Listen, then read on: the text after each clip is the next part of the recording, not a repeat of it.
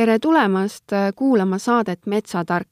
minu nimi on Teele Teder ja tänases saates olen ma Pärnus, külas Krundar puidul, mis on Eesti kapitalil põhinev metsamajandusettevõte aastast tuhat üheksasada üheksakümmend üheksa. seega tähistatakse tänavu juba oma kahekümnendat juubelit.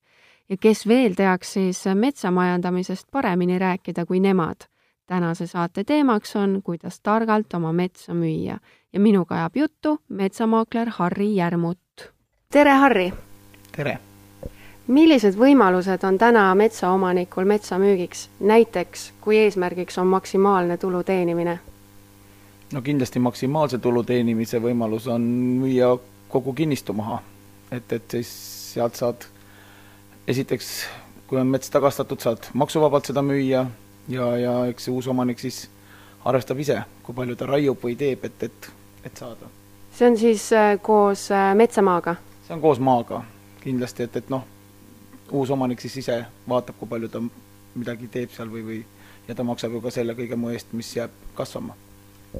aga pikemas perspektiivis, mõeldes äh, ka järeltulevatele põlvedele no siis on mõttekas müüa ikkagi raieõigust ja, ja kindlasti alustada sellest, et, et teha omale selged eesmärgid, et kui palju on vaja kas raha või, või metsa seisukord vajab, et, et meie kuulajaid kindlasti huvitab, mis vahe on metsamaa ja raieõiguse müügil? no metsamaa on, esiteks on ta notariaalne tehing, et, et seal siis nii metsaomanik kui ka ostja sõlmivad notariaalse lepingu. aga raieõiguse puhul lepitakse kokku siis raieõiguse ulatus, müügitingimused, asjad ja see on lihtkirjalik leping nii omaniku kui, kui ostja vahel. kas ka selle viimase puhul jäävad mingisugused teenustasud müüja ehk siis metsaomaniku kanda? siis mõtled raieõigust? jah ei, raieõiguse puhul ikkagi on, no nii palju on, et, et kui raieõigusel lepinguga lepitakse kokku see summa, mis kantakse omanikule, siis tema kannab sealt oma siis maksukoormuse riigi ees.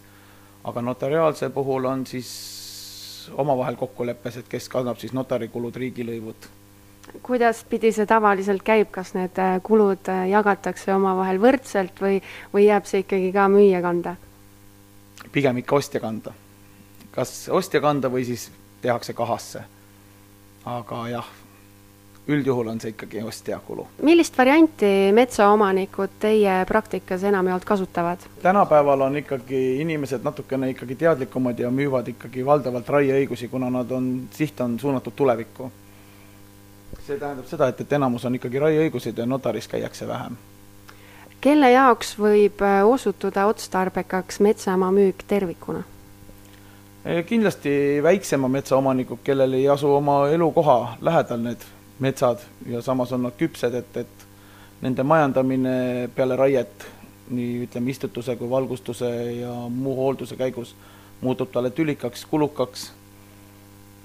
ta on ebapraktiline, tal jääb ainult maamaks seal ja, ja, ja kui ta on väike tükk, ega see tulevikus ka siis talle midagi väga suurt ei tooda aga kas oleks võimalik äh, müüa metsamaast ainult teatud osa äh, ja ülejäänud endale alles jätta ja kui on võimalik, siis äh, kes organiseerib need vajalikud mõõtmistööd ja, ja kes nende eest siis tasuma peaks? jaa, kindlasti on võimalik müüa ainult mingit osa, see on ju kokkuleppe asi nii ostja kui müüja vahel, et, et kui palju seda teie praktikas juhtub? No suuremalt jaolt on see, et kui inimesel koosneb kinnistu päris mitmest katastriüksusest, siis müüakse võib-olla mingeid eraldi, noh, eraldiseisvad katastriüksuseid maha. aga tuleb ka ette praktikaid, kus lahutatakse nii, on talu, talukompleks, lahutatakse ära nii elamuosa, põlluosa, haritav maa ja, ja siis ka mets ja siis mõõdetakse välja need eraldi. ja, ja on ka tulnud ette, kus võetakse lihtsalt metsast üks mingi osa ära, aga kindlasti, et, et, et noh see peab mingilt maalt ära tasuma, et, et ütleme, keegi ei lähe ju poolt hektarit sult seda kuusikut sealt ära ostma, et pigem võiks olla ikkagi niisugune, et tasuvad ära need mõõdistamistööd, kulud, noh, maa mõõdistamine nüüd, see puudutab ikka personaalseid maamõõdebüroosid, et, et, et valdavalt on ikkagi oma valdades ja asjades inimesed, kes seal tunnevad, teavad oma piirkonda, et võõralt territooriumilt väga sisse ei minda. aga kes nende mõõdistamistööde eest äh, tasub, kas see on kokkuleppe asi see on jälle kokkuleppe asja, asi ostja ja müüja vahel, et, et kas nad lepivad hinna kokku, ehk see sisaldab siis kõike, või siis nad lepivad kokku, et, et, et mingi etapini käib see edasi ja sedasi ja siis, kui sellest kulust suuremaks läheb, see on puhas kokkuleppe asi. aga millisel juhul oleks äh, kasulikum müüa ikkagi ainult metsamaal kasvavat metsa? kui sa tahad ikkagi tulevikus ise majandada, ise näha, ise kasvatada, kas on võimalik müüa metsamaal kasvavat metsa ka osaliselt äh, või kujundada raietööde tulemusele omale isiklik äh, parkmets näiteks, kus oleks lastega mugav jalutada ja, ja kus linnud ja loomad saaksid äh, ka rõõmsalt edasi elada? jaa, raieõigus on ainult alati soovituslik, see lageraie või, või turberaie, mis iganes, millest me räägime, et, et see on alati soovituslik. inimene ei saa sellest seadusest üle astuda kui tegemist on näiteks arendusraide puhul, et ta ei tohi rohkem välja raiuda, kui ette nähtud on paragrahvidega, aga samas on see, et kunagi ei pea seda tegema nii suures mahus. alati võib ikkagi kujundada oma nägemuse, aga see on ka kindlasti vaja siis kokku leppida raieõiguse teostajaga, et kuidas siis ja, ja ise kõrval olla ja meie oleme alati selleks valmis. kui ma olen värske metsaomanik, siis milliste hüvede ja kohustustega ma peaksin arvestama? näiteks milliseid toetusi metsaomanikele jagatakse ja millistel tingimustel? No kui sa oled metsaomanikuks, siis oleneb sellest, et, et mida sa ostsid omale. ostsid sa omale küpse metsa või, või nüüd keskealise või ostsid sa lageda ala. et, et äh, sellest hakkavad sinu kohustused, et, et, et küpse metsa puhul sa ju kindlasti hakkad teda majandama, siis kas sa teed lageraidena või sa hakkad sealt midagi välja võtma. selleks ei ole toetusi olemas, aga ütleme, kui sa oled nüüd ostnud lageraide asja omale, kinnistu siis sa pead hakkama seal ju uuendama, see tähendab, et, et maapinna ettevalmistamine, taimede soetamine, istutamine, sinna on toetused ette nähtud ja, ja, ja noh, toetusi täna kahjuks saab ainult läbi ühistute. enam erametsaomanik väga kergelt ise toetust ei saa, antakse, aga need summad on hoopis teised. kas sinna metsaühistusse kuulumine on metsaomanikule kohustuslik ka? ei, ta kohustuslik ei ole aga tuleb kasuks, ma saan aru? ta tuleb kasuks, kuigi ega jah, tasuta lõunaid ei ole, et, et ega nemad on samamoodi, võtavad oma aastamaksu sul hektarite pealt või noh, oleneb nüüd ühistust, ja, ja ega nad võtavad iga töö eest mingit tasu sinu eest ka, ega aga kindlasti on mõistlik olla sealt, kui sa oled ikkagi suurema metsaomanik ja tahad neid toetusi, asju saada, et aga räägime metsaomaniku kohustustest ka, et kas metsaomanik peab oma metsa majandama ka või ta võib lasta sellel lihtsalt äh, omasoodu kasvada?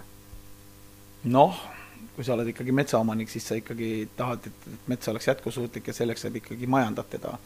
aga kindlasti on ka lihtsalt inimesi, kes lihtsalt lasevadki kasvada, arvavad, et see on roheline mõtteviis elust ja aga kahjuks ei, see ei ole hea, ma arvan mis siis selliste metsadega juhtub, mida ei majandata ja, ja kas see avaldab mõju ka näiteks naaberkinnistute omanikele? noh, ega mis nende metsadega juhtub, ega nad ju lõpuks ikkagi kasvavad küpseks mingil maal ja, ja sinna sureb lihtsalt meeletult, meeletult majandamata, noh, tulu saamata osakaal, et metsad, ega nad ära ei hävi selle lõpuni, et, et, et kui seal ütleme, tulevad need putukad asjad sisse või, või loomad kahjustavad või tormid, on ju, eks sinna mingi aeg ikka tekib uus mets ja aga see on inimesele jäänud, saamata jäänud tulu. aga naaberkinnistu omanikele mõju, noh jah, tormikahjustused, asjad, haigused, mis metsas levivad, juurepest, asjad, et ikka, ikka see tähendab seda, et, et, et, et kui oma kinnistut ei majandata ja naaber majandab, et, et, et, et ta tahab siin uut kultuuri saada omal, tal tekib raskusi sellega, kui sinu metsas ka elavad metsloomad, kes käivad, hävitavad tema kultuure seal kas metsa uuendamine on metsaomanikule kohustuslik ja, ja kas teie arvates peaks olema, kui ei ole? Ta otseselt ei ole kohustuslik, metsaseadus ütleb, et, et peab teatud aja jooksul teatud sobivate puuliikidega sobivasse kasvukohta ise tulema siis looduslikult. Või, või säärasel juhul, kui ta sinna, see mets ei liitu, siis on vajalik uuendamine, aga minu arust noh, ütleme, lehtpuumetsades ei näe probleemi, aga okaspuu osakaaludega metsades, et kui me tahame ikkagi okaspuupõlve jätkata, siis äh, oleks mõistlik. see tundub selline suur ja lai teema, et kui nüüd metsaomanikul äh, peaks äh, tekkima selle kohta täiendavaid küsimusi, siis kelle poole ta saab nendega pöörduda? noh, kindlasti on Keskkonnaamet olemas, kellel on vastavad spetsialistid olemas, on metsaühistud ja ka meie oleme alati valmis vastama küsimustele ja nii palju kui oskame aidata siis. ja Krundar puidu metsamaaklerite kontaktandmed leiab kodulehelt krundar.ee. kui nüüd metsaomanikul tuleb soov metsa müüa, kust ta võiks äh, alustada?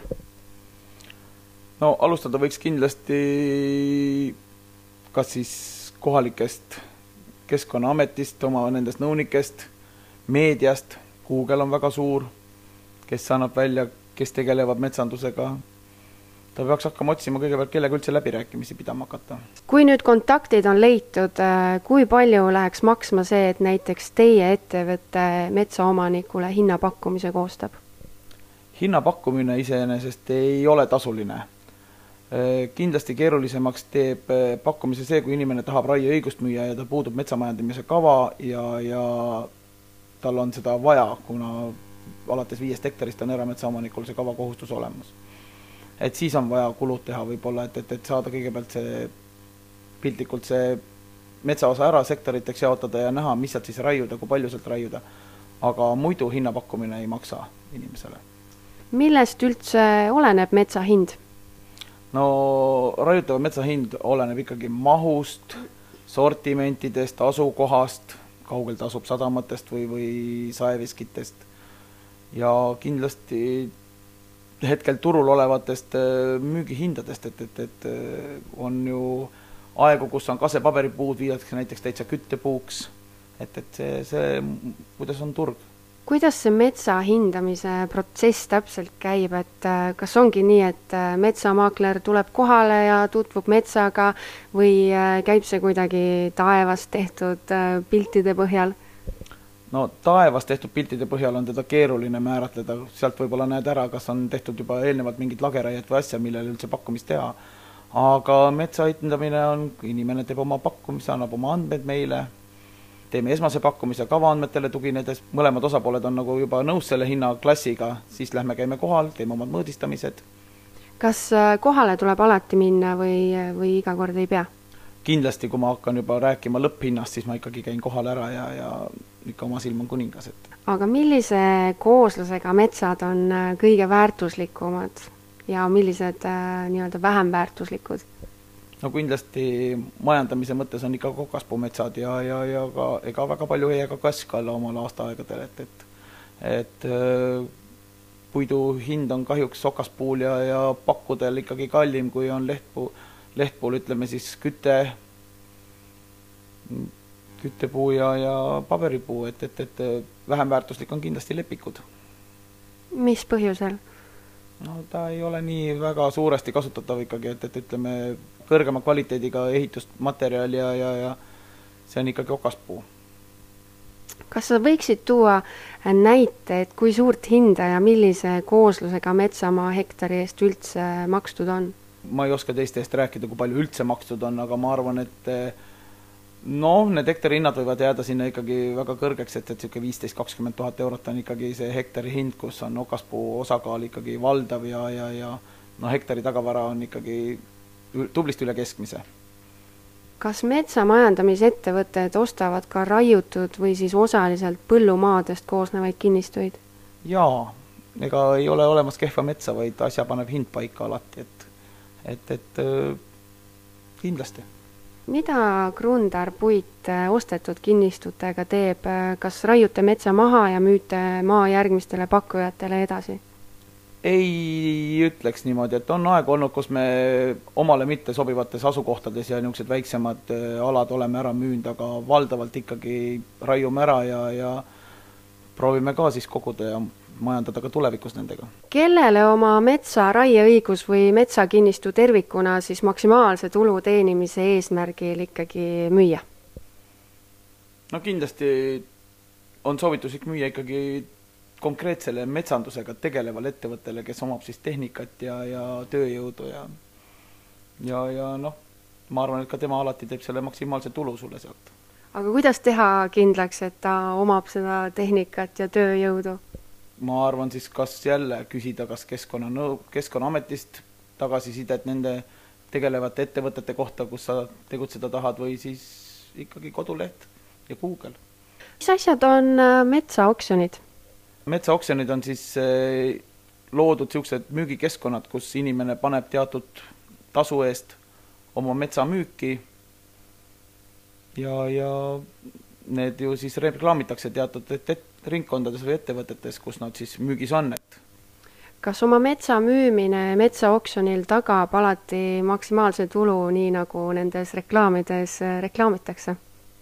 kindlasti ei ole alati maksimaalne tulu garanteeritud, kuna metsaoksjoni keskkonnad alatihti ikkagi minu kogemustele tuginedes teevad selle alghinna, loovad seal ikkagi kava, kavaandmetele tuginedes et eh, on olukordi, kus ma olen käinud ise oksjonikeskkonnas pakutavate tükkide peal hindamist tegemas ja, ja need numbrid ei lähe tihti kokku, mis seal kasvab ja kui palju seal kasvab. et pigem see maksimaalne tulu, mida reklaamitakse, on siis eh, pigem juhus? ma arvan, et ei, ega ta nüüd ülemääraselt väga mööda ka ei lähe, aga kindlasti on palju asju, mida neil jääb ka müümata tänu sellele, et, et, et tegelikult on kava alusel ikkagi mets ülehinnatud ja, ja kui metsaraiet tegev ettevõte läheb seda hindama, ei näe seda seal, siis ta ju ka ei osale sellel, et kes on äh, vahendajad ja milline on nende ärimudel, ma olen näinud äh, pehmelt öeldes kummalisi kuulutusi maapiirkondade bussipeatustes. no esiteks on vahendajad kindlasti need, kes ei oma professionaalseid teadmisi, tehnikat, inimesi selleks, tööjõudu. Ja no ärimudel kindlasti teenida raha aga raha tuleb siis metsaomaniku arvelt. aga kes on need äh, metsaostjad, kes äh, inimesele ise helistavad ja nii-öelda parimaid pakkumisi teevad? no suures pildis on ikkagi need, kes soovivad selle edasimüügiga tegeleda hiljem, et, et saada sealt oma kasum kätte. nii-öelda vahendajad siis? tõenäoliselt. kas teie ettevõte otsib ise metsa ostmise eesmärgil metsaomanikega kontakti? Ja kui ei, siis äh, miks mitte? on tulnud juhuseid, kus ma otsin äh, metsaomaniku üles, aga seoses mitte metsa ostmise eesmärgil, vaid pigem sinna oma raielangile või kinnistule ligipääsemise eesmärgil. ja, ja on olnud juhuseid, kus siis selle käigus hiljem saan ka selle inimesega kontakti, kuna ta näeb, kuidas me seal majandame või mõtleb ka, et võiks ka ju raiuda, et, et aga otseselt me kohe esimest kõnet inimesele ise metsa ostmise eesmärgil ei tee. aga miks mitte? Ma ei näe, et see väga eetiline on, et, et kuna inimene, kui ta soovib metsa müüma hakata, siis ta ikkagi teeb selle otsuse ise, mitte pealesunnituna. kuidas tunda ära professionaalne metsamajandamisettevõte? üks asi on kindlasti ettevõtte pikaealisus, see lisab kindlasti usaldusväärsust, nagu ka teie ettevõte, mis tähistab juba kahekümnendat tegutsemisaastat, aga mis veel? No kindlasti oleme ju täna rääkinud sellest juba, et, et metsaettevõte, kes ikkagi omab vastavat tehnikat, vastavat personali, teadmisi ja noh, ega nende aastatega tuleb välja teenida see inimeste usaldus. kokkuvõtteks võib siis öelda seda, et nii metsaoksjonitel kui ka vahendajatele müüdud metsamaid hakkavad tegelikult majandama reaalsed metsafirmad, kes ostavad selle metsa reaalse turuhinnaga metsafirma ei vali seda, et kas müüja on oksjonikeskkond, vahendaja või metsaomanik ise.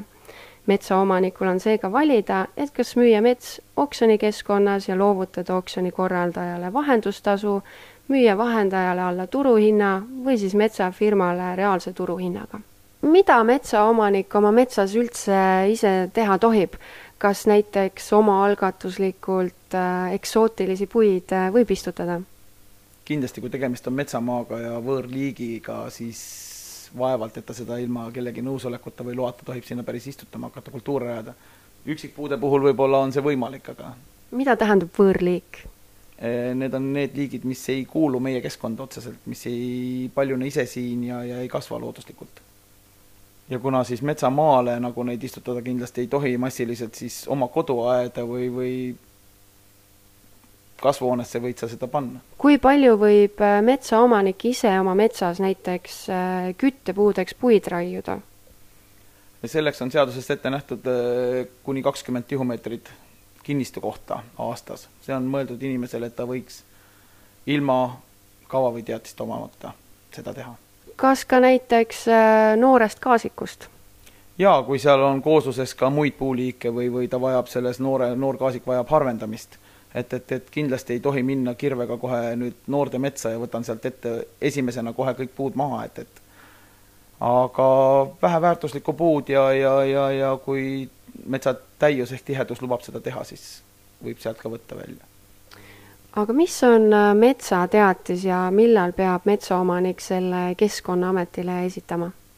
Äh, metsateatis on konkreetne raieluba, mille alusel võib siis omanik välja raiuda kinnistult teatud aladelt ehk eraldistelt teatud raieliikide järgi puitu.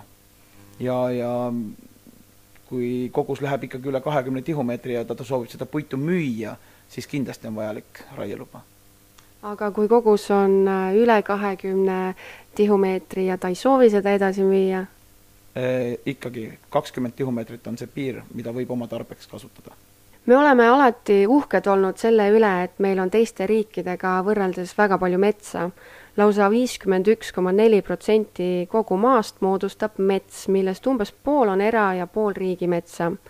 Kas see vastab tõele, et tegelikult pole meil millegi üle uhkustada, sest Eesti mets on maha müüdud?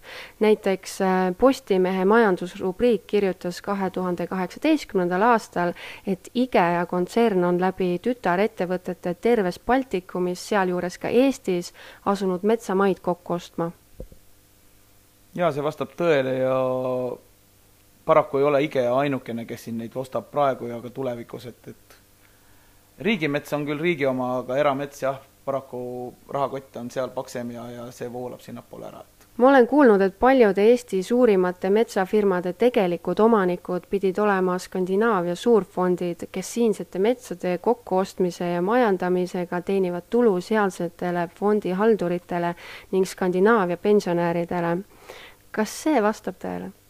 No sellest on viimase, viimastel aastatel väga palju juttu olnud meedias ja, ja ju see siis ikkagi vastab tõele. kas Krundar puidu varjatud eesmärk on samuti teenida tulu välismaistele pensionifondidele? kindlasti mitte. aga kas teie ettevõte põhineb ikka Eesti kapitalil? minule teadaolevatel andmetel küll. suur tänu, Harri! kohtumiseni! järgmises saates räägime pikemalt raieõiguse müügist kes aga tahab tänase saate teema kohta rohkem infot, siis leiab seda kodulehelt krundar.ee, kus muuhulgas on välja toodud ka praktiline metsamüügi abc. aitäh kuulamast!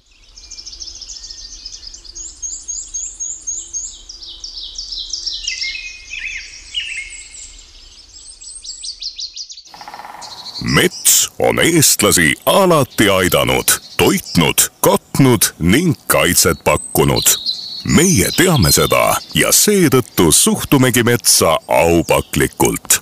Krundar Puit, eestimaine metsamajandusettevõte aastast tuhat üheksasada üheksakümmend üheksa.